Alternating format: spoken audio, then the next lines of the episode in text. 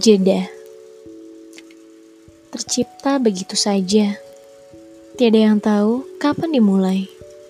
Mungkin ini waktunya untuk berhenti, memberi ruang kosong untuk hati, membiarkan logika lebih menguasai pikiran, meninggalkan sejenak rasa yang boleh jadi bertentangan.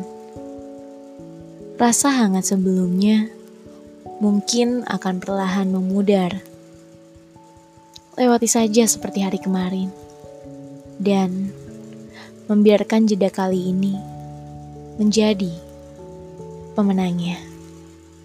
Tulisan ini dibuat pada tanggal 22 Maret 2016 di Yogyakarta.